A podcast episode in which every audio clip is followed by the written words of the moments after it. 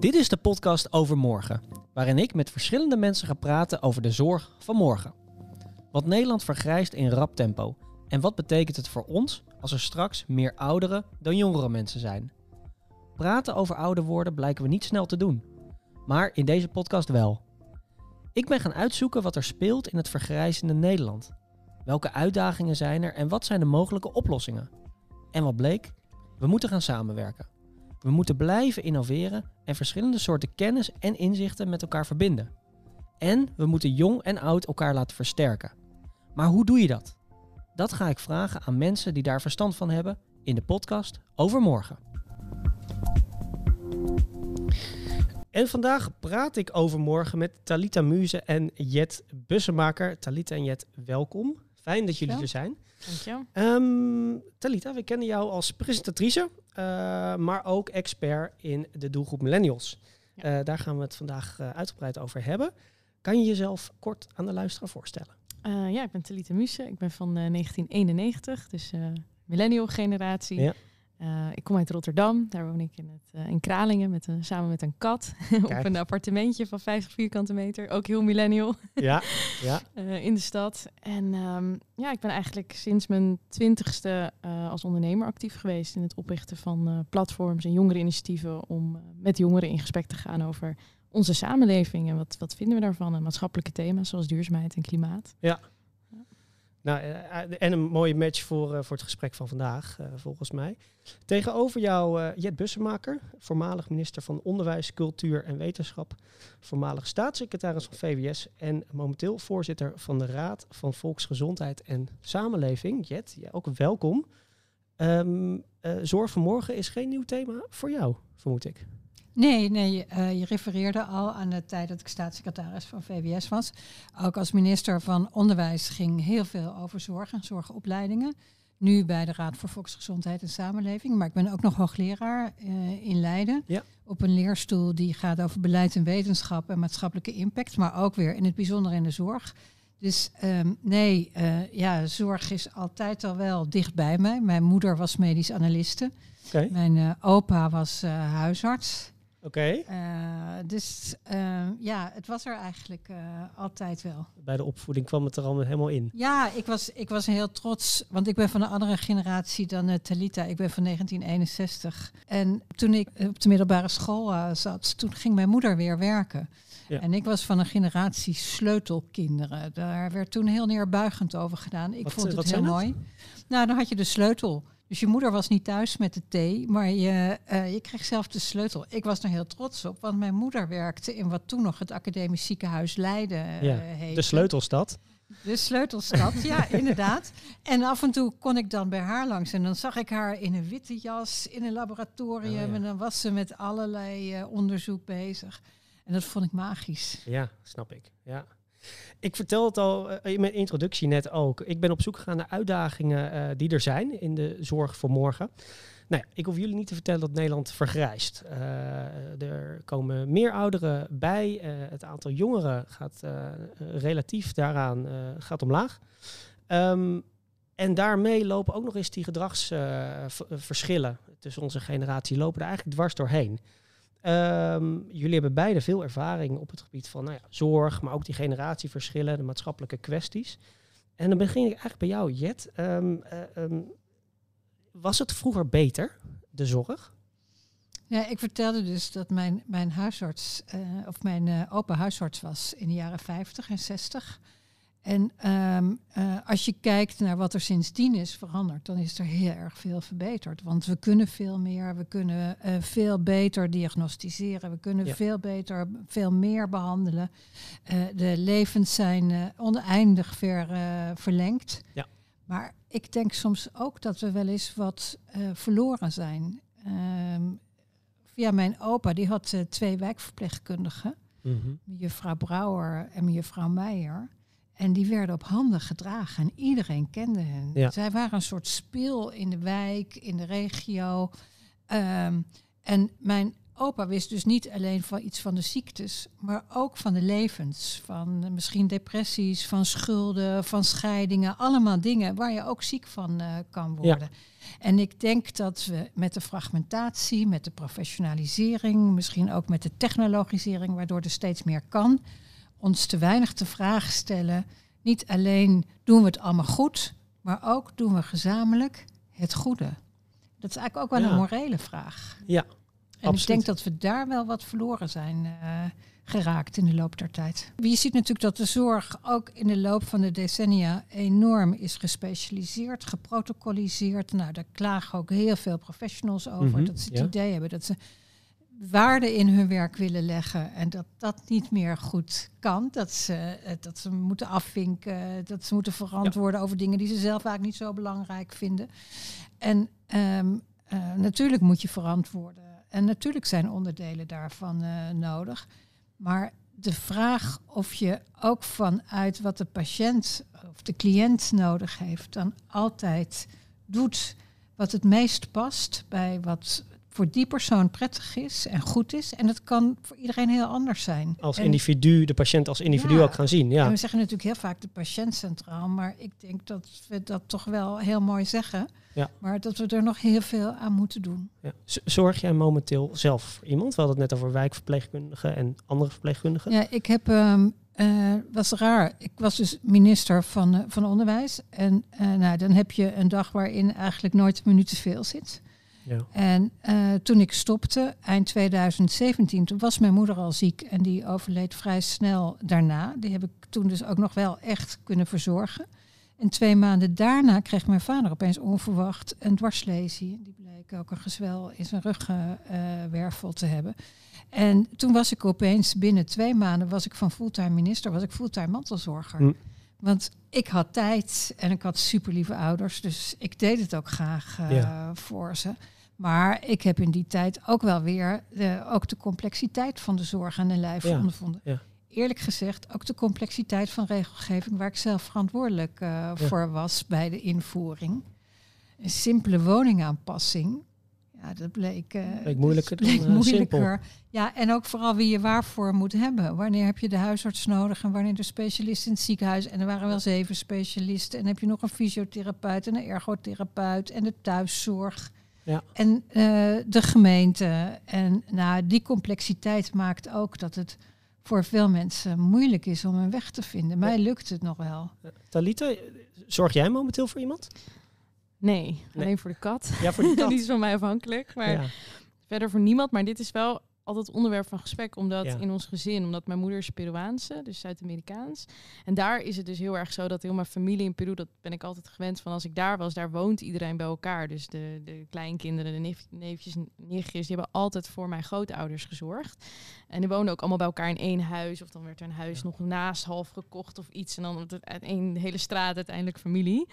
Um, ja, dus mijn moeder heeft wel heel erg die verwachting. En mijn vader ook van, je gaat me nooit uh, weg uit huis doen. Hè? Je gaat wel echt er alles aan doen dat ik altijd hier kan blijven. Ja. En dat je voor ons zorgt.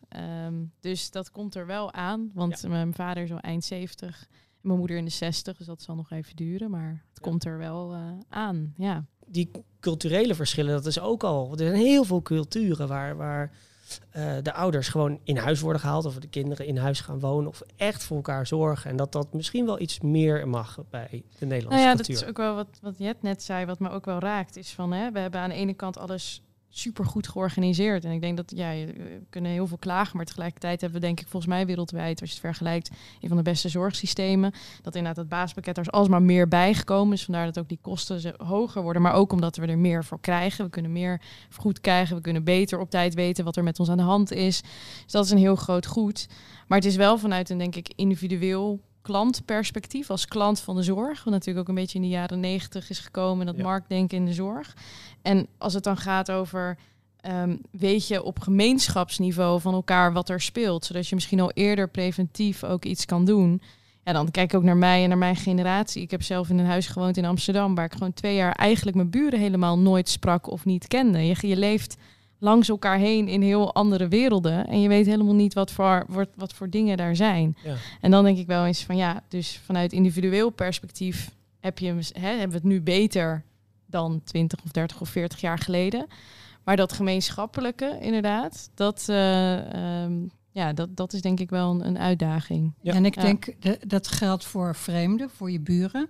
Eh, maar het geldt ook dat we het soms gewoon niet aantrekkelijk maken als mensen, hè, familieleden, wel voor elkaar willen zorgen. Toen ik naar jou luisterde, eh, ik herinner me dat eh, bijvoorbeeld mensen die wilden een mantelzorgwoning in hun tuin zetten. Zodat ze voor een dierbare, een ouder of een ander familielid of vriend of vriendin konden zorgen. En dat paste dan niet in de gemeentelijke regelgeving. Dus die zeiden er gewoon een streep er doorheen. Ik denk ook bijvoorbeeld iets als de kostendelersnorm. Dat maakt het ook niet aantrekkelijk om bij iemand te gaan wonen, om voor iemand te zorgen als je dan eh, je inkomen voor een deel moet eh, inleveren. Ja. Dus als we dat echt willen. ik- Maar nu zien we mensen die het wel willen, maar die tegen allerlei belemmeringen oplopen. En ik denk, ja, dat is toch het eerste, die obstakels eh, eh, wegwerken. Dat, dat kan toch niet zo heel moeilijk zijn? Hoe staan millennials hier over het algemeen in? Nou, kijk, ik denk dat voor ons meer hè, eh, voor onze generatie, de zorg, als je gewoon kijkt naar de toekomst toe, dan denk ik dat we moeten uitkijken dat er een aantal collectieve voorzieningen voor onze generatie gewoon, ja, die gaan minder betaalbaar worden. Dat geldt voor ons pensioen, dat geldt voor de zorg, dat geldt denk ik voor een aantal. Die, daarvan zie je nu, als die demografische ontwikkelingen gewoon gaan zoals ze gaan, heb je minder werkenden die wel diezelfde collectieve kwaliteit, hè, de kwaliteit van die voorzieningen in stand moeten houden. Nou, dat, ja, dan kan je denken, ja, dat is een soort generatieconflict. Of op welke manier willen we daarmee omgaan? Ik denk dat jongeren in de toekomst ook gewoon goede zorg eh, eh, willen hebben. Maar ik denk dat het wel realistisch is om te verwachten. Je kan niet alles met nog meer technologie en efficiëntie en optimalisatie. Hè? Dat zal zeker een onderdeel van de oplossing zijn. Een ander deel is dat ja, wij inderdaad weer meer eh, een deel van de zorgtaak eh, op ons gaan nemen. En volgens mij was het nu al één op vijf jongeren die eh, mantelzorger is. En misschien is dat in de toekomst gewoon inderdaad één op twee. Eh, die naast en, en al op. En dat vraagt ook iets van werkgevers en van eh, eh, onderwijs en van alle. Je zit dan nog in een levensfase waarin je relatief jong misschien ook al een zorgtaak op je moet gaan pakken voor Mhm. grootouders of ouders. Ja, en dan moet je misschien één, twee dagen in de week nog naast je gewone baan, waar je nu ook al moeilijk je huur van kan betalen en alle andere levenskosten, want dat zie je ook gebeuren, moet Ja. je dan dus ook nog een zorgtaak gaan vervullen. Ja. hoe leidt dat bij elkaar opgeteld tot een, een generatie die ook nog daarnaast kan sparen, vermogen kan opbouwen, een huis en de volgende stap kan zetten? Dat komt dan wel allemaal nog meer onder druk te staan. Ja, en daar maak ik me dan wel zorgen over. Ja. Er was een onderzoek, een publieksonderzoek eh, via Actis eh, is, is er gedaan ehm, naar oplossingsrichtingen. Eh, ehm, het bleek dat, dat jongeren heel graag meedenken in die oplossingsrichtingen richting de zorg. Waarbij de generatie babyboomers eh, eh, zorg eigenlijk als een soort verworvenheid zien. Hè? Van, eigenlijk een beetje wat jij zegt. Van, eh, mensen hebben jarenlang keihard gewerkt, premies betaald, zaken opgebouwd en denken dan, ja, ik heb het toch verdiend, ik heb hier toch voor betaald. Waarbij we ook tegelijkertijd zeggen, die millennials, ja, we bouwen weinig op. Daar zit ook een verschil, hè?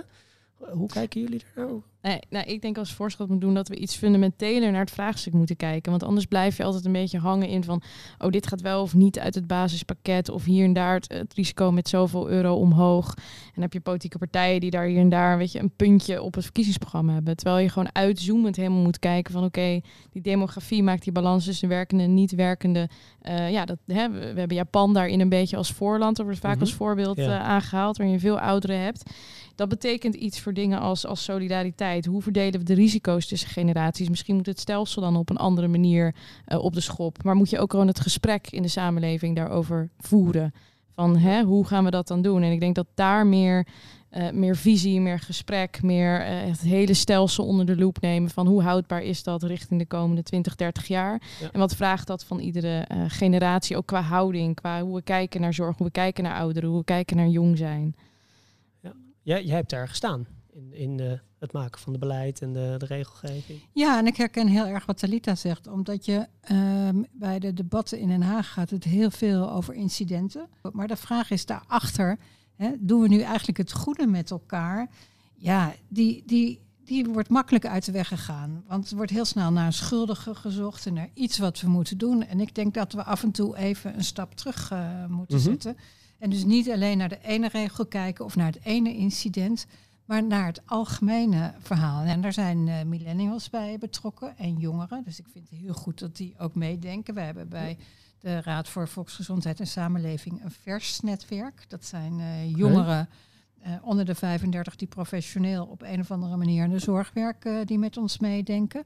Maar weet je, ook ouderen zelf, daar wordt vaak van gedacht dat ze alleen maar, uh, maar zielig zijn en zorg nodig hebben. Ja. Dus we hebben vorig jaar ook een advies gemaakt, dat heet het geschenk van de eeuw.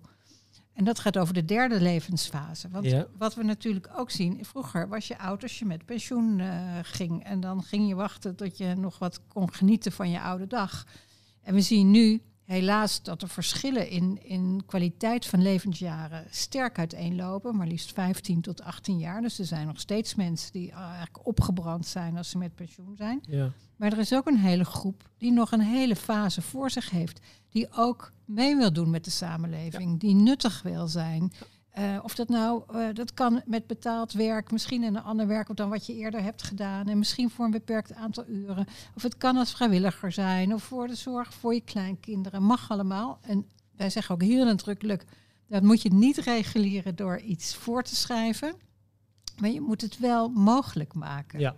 En iets simpels, als je nu je pensioen aanvaardt, dan kan je eigenlijk daarna vaak niet meer terug. Nee. Althans, dan, dan verdien je niks meer. Ja. Nou ja, ik denk, ja, het is gewoon een kwestie van het goede gesprek voeren als iemand tegen de pensioenleeftijd zit. Dus het is ook een cultuurverandering.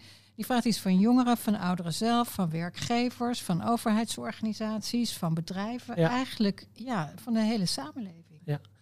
Ik heb de term wederkerigheid ook hierin gehoord. Hè? Dus niet alleen van, van wat kan de, de maatschappij voor mij doen, maar wat kan ik ook bijdragen uh, aan de maatschappij? En, en, en, dat moet enerzijds natuurlijk vanuit die mensen zelf komen, maar ook de maatschappij of de regelgeving of wat dan ook, moet dat natuurlijk ook kunnen faciliteren. Ja, ik vind alleen wederkerigheid als snel um, alsof het, alsof het moet. Ja, ja, klopt. Ja, slechte term. Um, terwijl ik zou, kijk, Um, ik vind het ook terecht dat mensen gewoon, uh, dat is van die derde levensfase, dat je mag genieten, dat je nieuwe dingen mag ontdekken.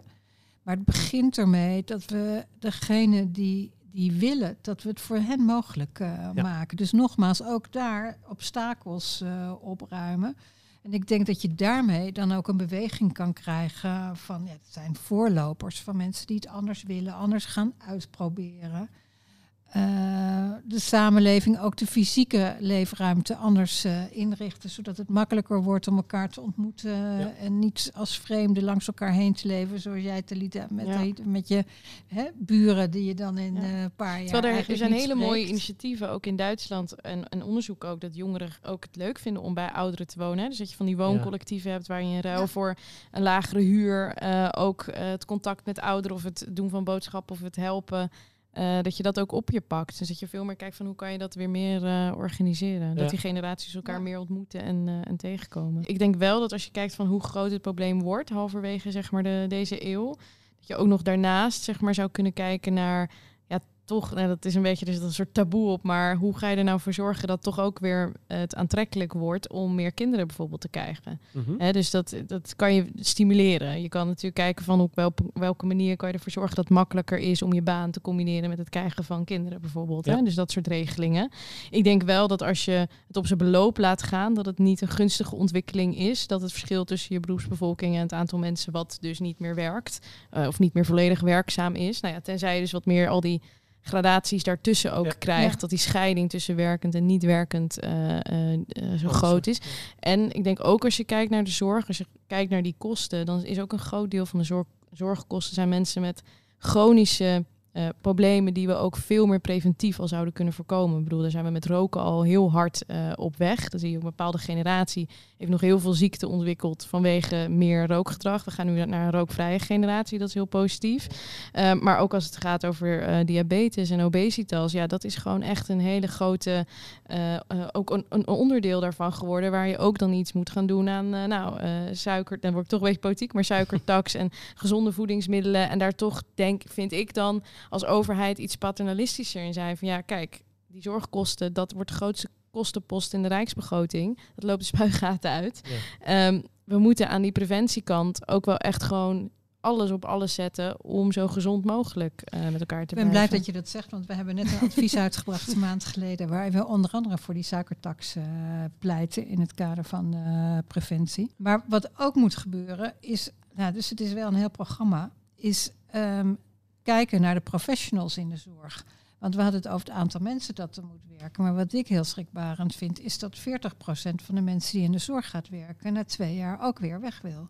Dus die voelen zich niet gewaardeerd. Nou, en dan hoor ik wel eens. Dus dat is de eh, grootste reden, de waardering. nou, de, de waardering van hun professionaliteit. Ja. En soms gaat het ook over salaris. Salaris is ook voor bepaalde groepen belangrijk. Maar als je een laag dieper graaft, dan zie je eigenlijk dat het overgrote deel zegt, ja, nou ja, ik voel me vervreemd van zeg maar die waarde die ik in mijn werk wil leggen. En ik heb het gevoel dat ik dat niet kan. En dat is soms eh, door gebrek aan tijd. Dat is soms doordat men eh, dat er niet goed naar ze geluisterd wordt. Dat is soms omdat er de, de, de samenwerking wringt. En daar denk ik wel eens van, als je ehm, zou kunnen stimuleren dat bijvoorbeeld bijna iedereen die in de zorg werkt in deeltijd werkt. Mhm.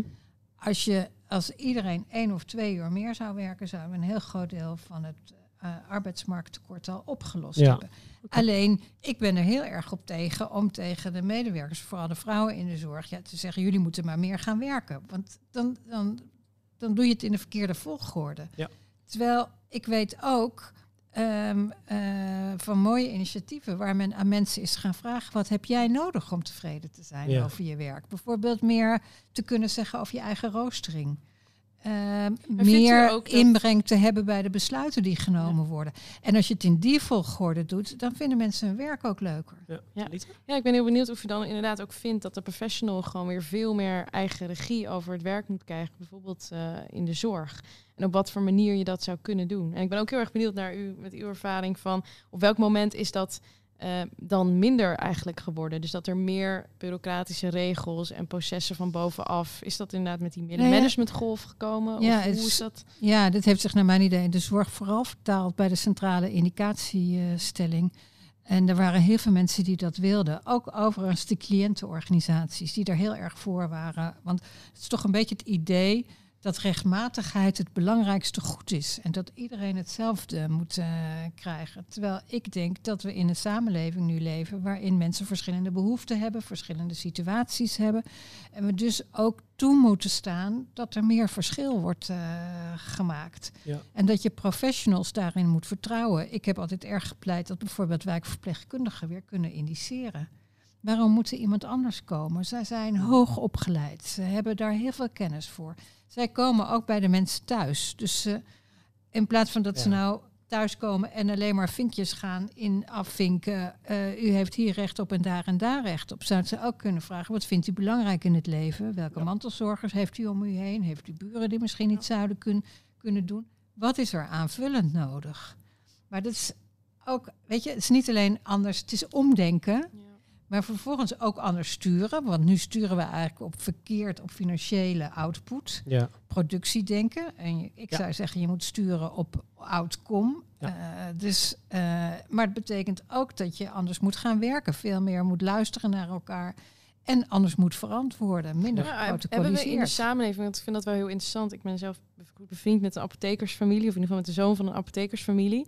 En die vertellen ook altijd, vroeger waren we gewoon in de wijk, zeg maar, een soort, ja, echt het verlengstuk van de doktoren. Omdat je eh, iedereen, de hele wijk en alle rangen en standen en alles en iedereen binnenkwam lopen. En je wist precies bij families wat er speelde en de, iemands geschiedenis, et cetera. En zij zeggen zelf ook, en nu voel je je gewoon veel meer een soort bedrijf. Toch? Ja, het is echt, een- echt een, Ja. een, een bedrijf wat je moet runnen. Het is gewoon veel minder tijd om nog met mensen dat gesprek te voeren. Het is gewoon het medicijn en, en de volgende klant. Ehm, maar dan vraag ik me af van hebben we ook weer in de samenleving dan wel dat vertrouwen dat de professional rechtmatig, want dat rechtmatige vinden we belangrijk, maar ook dat iemand dat met vertrouwen zeg maar eh, doet. En hoe krijg je dat Nou weer ja, terug? dat is, een, dat is een hele goede vraag. Kijk, ik denk we leven in een netwerksamenleving, maar de zorg is nog lang niet als een netwerk eh, georganiseerd. En dan moet je Nee. ook die informele zorg daar een plek eh in geven. Maar dan moet je dus ook niet, dat vind ik ook vooral een les voor media en politiek, bij elk incident dat gebeurt, ehm, willen voorkomen dat dat ooit nog weer een keer plaatsvindt. Want dat betekent hele strenge regelgeving. en een one size fits all voor, voor iedereen. En dat moet weer allemaal gecontroleerd worden. Dus ja, we doen het ook wel met elkaar. Dat we dan, ehm, als we in, in plaats van steeds maar willen straffen en eh, willen weten wie iets verkeerd heeft gedaan, zouden we veel meer naar een soort lerende organisatie moeten. Dat moet ook bij departementen en dat moet ook bij de politieke debatten, maar het moet ook bij de zorgverzekeraars en de professionals. Dus ehm, en de verenig, beroepsverenigingen, hoe we dit op een andere manier kunnen gaan doen. En dat begint met, ja, met, met omdenken, met anders denken uh, over wat doen we nu eigenlijk wel het goede. Ja. ja ik, ik, ik, ik, wil me heel eventjes, ik wil even terug nog naar, die, uh, naar dat uh, verschil in, in generaties. En ik heb daar een, eigenlijk een heel leuk voorbeeld voor, wat ik wil even tegen jullie aan wil houden in de vorm van twee fragmenten. Uh, uit eerdere gesprekken. Dus het eerste fragment is van um, twee babyboomers. En het vervolgens een, een gesprek met de millennials. Um, die laat ik even horen en dan uh, stel ik jullie daarna een paar vragen daarover. Ik heb twee kinderen, 22 en 25. En we hebben het er nog nooit over gehad. En ik wil ze daar ook nu gewoon nog niet mee lastigvallen. Is, dat is het gevoel? Dat je ze lastig ja, valt? Ja. Nou, nee, ja, weet ik niet. Ik weet het niet. Uh, maar nee, ik, ik heb uh, de komende jaren uh, 10, 15, 20 misschien wel echt nog geen zorg nodig hoor. Nee, nee gelukkig. gelukkig zeg ik gelukkig. nu, maar ja. Dus dat is voor hun natuurlijk en voor mij natuurlijk ook uh, gewoon heel prettig dat ze nog in goede gezondheid verkeren. Ja, want dat is vaak het moment, hè? Dat, ja. het, gezondheid. Precies. En daarom is het ook heel goed om wel dat gesprek aan te gaan. Uh, als je dan zegt, goh, pa, hoeveel wil jij uh, ouder worden? Of hoe zie je dat voor je? Mm -hmm. Want je eigen vader zat in een verzorgingshuis waar hij niet zo heel gelukkig was misschien. Hè? Uh, hoe, hoe wil jij dat doen? En dan zie je toch dat dat nog een beetje een taboe is. Dat ze zeggen van, ah, ja, ja. maar zover zijn we nog niet. Ja, ik denk dat het heel goed is om het erover te hebben. Maar het is inderdaad wel... Ik merk dat ik nu met vriendinnen en vrienden er steeds meer over begin te hebben van waarvan we elkaars ouders ook kennen. Van, uh, en het is best wel heftig dat je dan tegen ja. elkaar zegt: hey, ik zie nu echt voor het eerst dat mijn vader is echt oud aan het worden. Hè? Dat, dat, ik, ja, als ik daar nu aan denk, dan uh, dat, dat, dat, ik, de, ja, dat is gewoon iets, iets, toch iets heel heftigs of zo. Maar ja. het is heel goed om, om, het daar, uh, om daar veel met elkaar over te hebben. En dan toch weer wat ik eerder zei, die nabijheid. Hè? Dus dat je ook elkaar in verschillende levensfasen in de samenleving, iets waar ik wel veel over nadenk, die generaties. Ik heb het idee maar dat hoeft niet waar te zijn, maar dat vroeger uh, in de publieke ruimte generaties elkaar meer uh, zagen. En ik heb nu het idee dat, en dat geldt überhaupt ook voor verschillende opleidingsniveaus en verschillende uh, sociaal-economische klassen, dat je in je eigen groep begeeft. Of het nou met het uitgaan is, of waar je winkelt, of waar je uit eten gaat, of waar je op vakantie gaat, dat zit in je eigen, in je eigen groep. Ja. En hetzelfde gaat ook voor mensen met een handicap. Dat is dusdanig georganiseerd, dat is ergens anders. Uh, in plaats van dat zit je, is overal, overal waar je komt, heb je, zie je mensen in verschillende levensfasen met verschillende achtergronden, met verschillende, um, ja, wel of niet beperkingen. Ja. Ik denk dat dat wel een, een deel van de oplossing is. Dat je daar dus dan ook meer mee geconfronteerd wordt. Ja, en meer dus de interactie zoeken. Meer de interactie zoeken. Verschillende mensen, verschillende achtergronden. Wat we ook elke aflevering doen is uh, gesprekskaarten uh, met elkaar bespreken. Um, er zijn gesprekskaarten die uitdagen om over morgen te praten. En ik wil dat graag met jullie doen. Ik heb een uh, aantal voor jullie uh, um, in mijn hand. Jet, ik begin bij jou.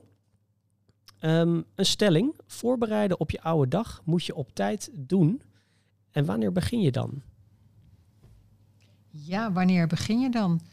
Um, nou ja, dat begint natuurlijk al dat je als jongere niet moet denken dat je nooit over je pensioen hoeft te na te denken totdat je 60 uh, bent. Uh, maar misschien moet je het niet alleen als iets negatiefs zien, maar moet je ook zien welke kansen wil ik nou nog wil ik pakken in het leven, welke ervaringen wil ik nog uh, opdoen, wat zou ik eens willen doen als ik niet meer gewoon regulier betaald werk doe. Dus je moet daar wel op tijd over nadenken, maar tegelijkertijd benadruk ik wederom dat er niet voor iedereen één oplossing is. Nee. Dus wat die oplossing dan is, dat zal niet voor iedereen hetzelfde zijn. Die zit in de mens zelf. Ja, en ja. ik denk ook dat je na moet denken, het ging net over generaties. Ja, ik denk dat de generaties millennials, dat die een hoge prijs betalen op een heleboel terreinen op het moment. Ook als gevolg van de maatregelen van corona. Ja. En dat we daar dus ook wel uh, niet alleen je voorbereiden op je eigen oude dag, maar ook op de oude dag straks van je kinderen en van je kleinkinderen. Mooi antwoord. Ehm, Talita, volgende vraag is voor jou. Volgende kaart. Wanneer ben je oud? En wat betekent oud zijn eigenlijk? Wanneer ben je oud? Nou, volgens de officiële definitie is er... Er is geen officiële definitie. Daar ben ik op dit moment dus een beetje over aan het uitzoeken. Eh, er is geen definitie van oud. Nee. Ja, er is wel een definitie van jongeren. Dus dat je tot en met je dertigste ben je een, een jongere. Dus je bent eigenlijk oud als je niet jong bent. Dus, dus als je vreemd is. 31 bent, ben je oud. Ja, dat is heel vreemd. Dus Ja. ja. precies. Dus dat. dat, dat, eh, dat. Ehm, kijk, ik denk dat... ehm, ehm, er, wordt vaak gezegd van... Hey, je, bent, je bent zo jong als je jezelf voelt en je bent jong van geest. En eh daar geloof ik heel erg in. Tegelijkertijd geloof ik ook dus wel heel erg in generatieverschillen. Omdat ik wel denk dat je... Als je in een wezenlijk andere tijd bent opgegroeid... met andere normen en culturele omstandigheden... en andere politieke omstandigheden, economie, et cetera... dat het wel doorwerkt in wat jij normaal vindt. Dus wat je normen worden, wat je normaal... eh, wat de mores zeg maar is, het gangbare gedrag en opvattingen. Dus je wordt wel degelijk door die tijd eh, gevormd. Dus dat zijn denk ik relevante verschillen om naar te kijken. Maar verder het echt puur, het absoluut jong, oud, dat vind ik zelf altijd nooit zo, ja, eh, de- iets, iets minder eh, relevant. Ja. Ja. Oké, mooi. Ehm, Jet, volgende stelling voor jou. Mijn zieke moeder verzorgen na een dag hard werken is geen probleem. Eens of oneens? Nee, dat is eh, eh, eens, want ja, dat heb ik gedaan. Ja. Maar ja, ik zeg er wel bij, ik kon het ook doen omdat mijn dochter, eh, die was net, nou ja, die was 17 of ging bijna het huis uit. Dus die had niet meer intensieve begeleiding Nee. en zorg thuis nodig. Dus ook daar heb ik wel geleerd dat ehm, ja, het moet ook passen. En eh, ik had een baan die ik zelf in kon delen. Ja. Maar als je ehm, met een eh, oproep als oproepkracht eh, werkt, of je hebt al een baan waarin je elk moment ontslagen kan worden, ja, dan is het een heel ander verhaal. Dus ook daar weer, volgens mij benoemen we dat allebei heel erg, dat het een maatschappelijke kwestie eh, Mhm. is, waar bijvoorbeeld dan ook werkgevers een rol in spelen. Ja. Nou ja, maar dan kom je dus op solidariteit. Want ik Ja. denk van, hè, het, is, het, het is nog één ding dat je dan vergoed wordt. Maar het heeft natuurlijk wel, wel degelijk bij werkgevers invloed of je parttime werkt of fulltime werkt. In je vervolgens weer je carrière en je ontplooiingskansen. En ook voor jezelf. Dus als jongeren, en ik ben er best, hè, misschien is dat de realiteit, daar veel meer moeten worden ingezet. Omdat dit is gewoon een collectieve nood zometeen. Ze moeten worden ingezet.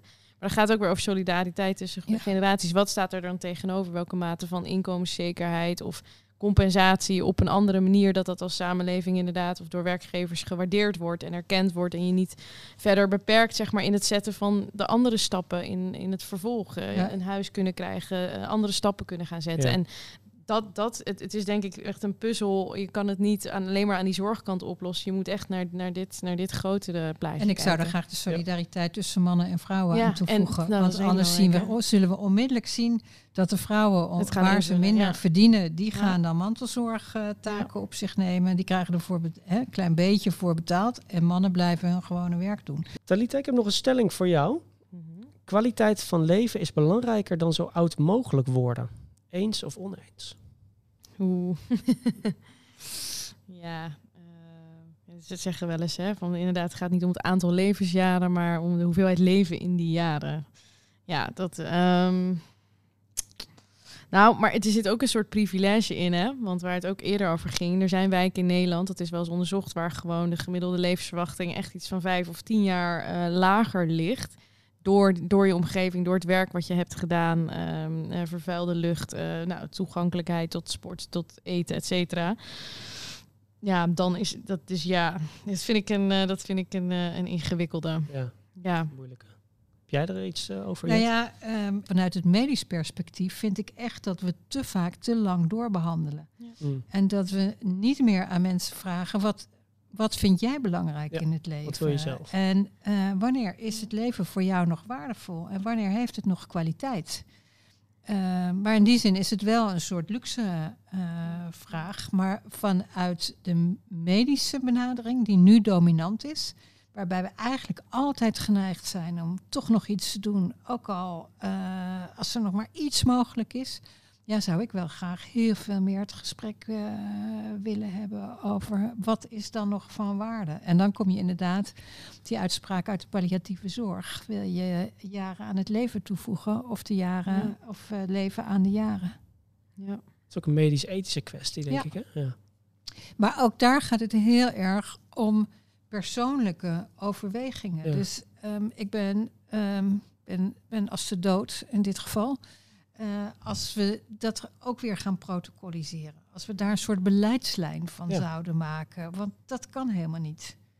Maar ik zou wel graag willen dat ook medisch specialisten meer getraind worden om te luisteren en om de vraag te stellen. ja. eh, wat, wat wil je nog? Samenwerken zonder te protocoliseren. Is dat de eerste stap die we moeten maken eh, om de zorg voor morgen te verbeteren? Ja, stimuleren van sociale netwerken zou ik zeggen. Ja? Stimuleren van sociale netwerken op eh, kleinschalig niveau rond de patiënt en cliënt. En soms ook rond misschien wel een netwerk of een groep eh, in de wijk. Van, Ja. eh, ehm, en, zon, en daaruit gaan, Talita zei het net mooi, van, van vertrouwen. Ehm, en vanuit gaan wat op dat moment in die situatie het goede is om te doen. En, en minder vanuit protocollen, Ja. vanuit output eh, en vanuit eh, ehm, ja, financieel management denken. Ja. En dan gaan we misschien ook wat dingen niet doen. Want dan zeggen mensen altijd in Den Haag roept iedereen, ja, maar dat kan, dan wordt het te duur. En Misschien een president, want eh, als één iemand het krijgt, moet iedereen het krijgen. Nou, daar gaan we dus echt volgens mij de mist in. Want dan komen we weer in die, die rechtmatigheid. En eigenlijk niet in de discussie over rechtvaardigheid. Talita? Mooi. Ja. ja wat Ik vond het ook wel mooi. Ehm, is de nou, wat, stap. wat voor jou de eerste stap zou zijn, maar het was inderdaad een hele mooie Nou, opmerking. voor mij zou het dan zijn toevoegend, eh, want ik vind het, eh, het vertrouwen, dat is denk ik een hele, hele, hele mooie. Eh, dat we dat gesprek op samenlevingsniveau gaan voeren. Ik had een tijdje geleden, dat geldt parallel is er heel erg ook met, met de pensioenen. gesprek bij de, bij de Nederlandse Bank met Klaas Knot, die echt zei van ik, het is best wel ernstig dat ik nu soms in meetings zit waar we bespreken gewoon hele grote dingen af voor het pensioenstelsel. En er is nu al meer geprobeerd daar die intergenerationele solidariteit te organiseren. Maar de jongeren zitten niet aan tafel als eigenlijk gelijkwaardige gesprekspartner. Dus dan sluipt het er toch in. Er, ja, er worden in politiek Haag hele wezenlijke besluiten genomen. Die gaan gewoon over herverdeling en ook naar de toekomst toe. Dat gaat gewoon over de collectieve middelen. Het gaat gewoon over eh, hoe ziet de samenleving er over 20, 30, 40 jaar uit. Nou ja, en als je dan rechtvaardigheid tussen generaties eh, eh, wilt, dan zou je toch moeten kijken van, hey, hoe zoomen we inderdaad weg van de incidenten? Ehm, en gaan we eens even kijken naar het hele systeem en het hele stelsel en daar een gesprek eh, voor opzetten tussen de generaties. En ik, ik weet niet of dat vanuit denktanks zou moeten komen, of jullie soort organisaties, om, om zoiets groots te faciliteren. Van wat betekent nou solidariteit tussen generaties in een vergrijzende samenleving? Ja, en, en ook denk ik wel hoe je daarbinnen jongeren positioneert, dat ze daadwerkelijk een, een, een stakeholder zijn. Want je, ze zijn een stakeholder, namelijk het is hun toekomstige belang, ook op goede zorg en betaalbaarheid en inkomen, et cetera. Maar we zijn vaak, vind ik, nog niet zo goed. Dus we zijn wel goed in jongere vragen mee te praten. Ja. Maar vervolgens zitten ze niet aan tafel of met een bepaalde, ja, hoe moet je dat zeggen? Ehm, eh, eh, ze zijn niet, nog niet echt een machtsfactor. Nee. En dat is ook logisch, want het gaat over de jongeren in de toekomst. En vaak de jongeren die binnen dit eh, systeem, zeg maar, jongerenvertegenwoordigers zijn of voorzitters van allerlei jongerenorganisaties, die doen dat een jaar en die zijn eh, over twintig jaar, wanneer de effecten merkbaar zijn, ook weer weg. Dus je zou ook echt kunnen kijken van hoe organiseer je nou dat jongerenbelang op echt een manier dat het een, een echt een gelijkwaardige eh, gesprekpartner is in dat soort onderhandelingen of Ja. denktanks of het nadenken over, een- over een nieuw systeem, een nieuw stelsel. Zijn de jongeren mondiger nu? Of, of is het gewoon precies hetzelfde? Want het is natuurlijk 40 jaar geleden was het ook zo dat we naar de jongeren moesten luisteren. Ja, Ja, Ja, daar ben ik ik- gewoon benieuwd ik naar. zei- Zijn wij nou zo mondig? Nou ja, of, eh, ik, ik, ik groeide op in de jaren zeventig. En toen begonnen we met allemaal eh, actiegroepen voor scholieren. Ja. Eh, en toen, werd, toen werden we mondig, zou ik zeggen. Ja. Ehm, maar ik denk wel dat het, de, de betrokkenheid van jongeren, dat die vooral door de organisaties nog te weinig eh, gewogen wordt. Precies wat jij uh, zegt, uh, Talita. Het is even, je mag wel je stem laten horen, maar echte participatie gaat over co-creatie. Dus ja. dat gaat niet alleen even één keer je mening geven, maar gaat met elkaar. Dus misschien moeten we ook wel naar andere besluitvormingsmodellen. We zijn echt heel goed om op inhoud, hè, dus over de budgetten en over dit en dat en de incidenten te praten, maar niet zo goed over hoe, organiseer, hoe is nou het gesprek eigenlijk georganiseerd. En dat zou je inderdaad ja. op een iets meer lange termijn denkend in een andere governance vorm. Nou ja, ik weet niet of ik tegelijkertijd heel fan ben van allerlei akkoorden. Maar bijvoorbeeld bij het klimaatakkoord zaten de jongeren aan tafel. Je zou ook kunnen denken, hoe bouw je een soort zorgakkoord tussen de generaties. Een solidaire uh, zorgstelsel voor de toekomst. En wie zijn, dat is ook gewoon een oefening van wie zijn dan de partijen ja. of de mensen uh, uh, die je om tafel wil hebben. Maar ik denk dat dat wel een uitdaging is voor dit soort grote uh, uh, grote thema's die over decennia, die gaan over politieke ja. termijnen heen. Maar als je, ze, als je er niet mee bezig bent, dan wordt het besluit, dan haalt de realiteitje in. Want dan worden gewoon de besluiten genomen op basis van ja. de uh, verkiezingsprogramma's en de incidenten en de rellen in de media. En dus dat gefocust daarover na gaan denken met elkaar en dan kijken hoe je het weer misschien in het politieke brengt, dat zou op de maar, zorg heel goed zijn. Maar dan moet je ook wel durven om op lange termijn na te denken. Ik, ik heb recent een boek gepubliceerd over mijn politieke ervaringen. Ministerie van Verbeelding heet dat, over hoe het ook anders zou kunnen misschien. En uh, daar stel ik ook veel, veel meer met missies te werken. Missies die je dus heel goed moet uitdenken maar die je dan wel voor over twintig jaar of langer, dat je die, dat je die vast moet houden. En ja. dat je ja. daarin steeds de kleine stappen moet maken. En zo'n missie zou kunnen gaan over de organisatie van de ouderenzorg. Maar bijvoorbeeld ook over het terugdringen van de, uh, de ongelijkheid in gezondheidsjaren ja. en uh, ervaren levenskwaliteit. En um, voor al die missies heb je altijd heel veel partijen nodig. En dan kan je vragen wie wil er, wie wil er inspringen, wie wil er meedoen. En ja. hoe komen we van daaruit steeds een beetje dichter bij uh, die missie. Dan heb je echt een, uh, een eikpunt in de verte. Ja.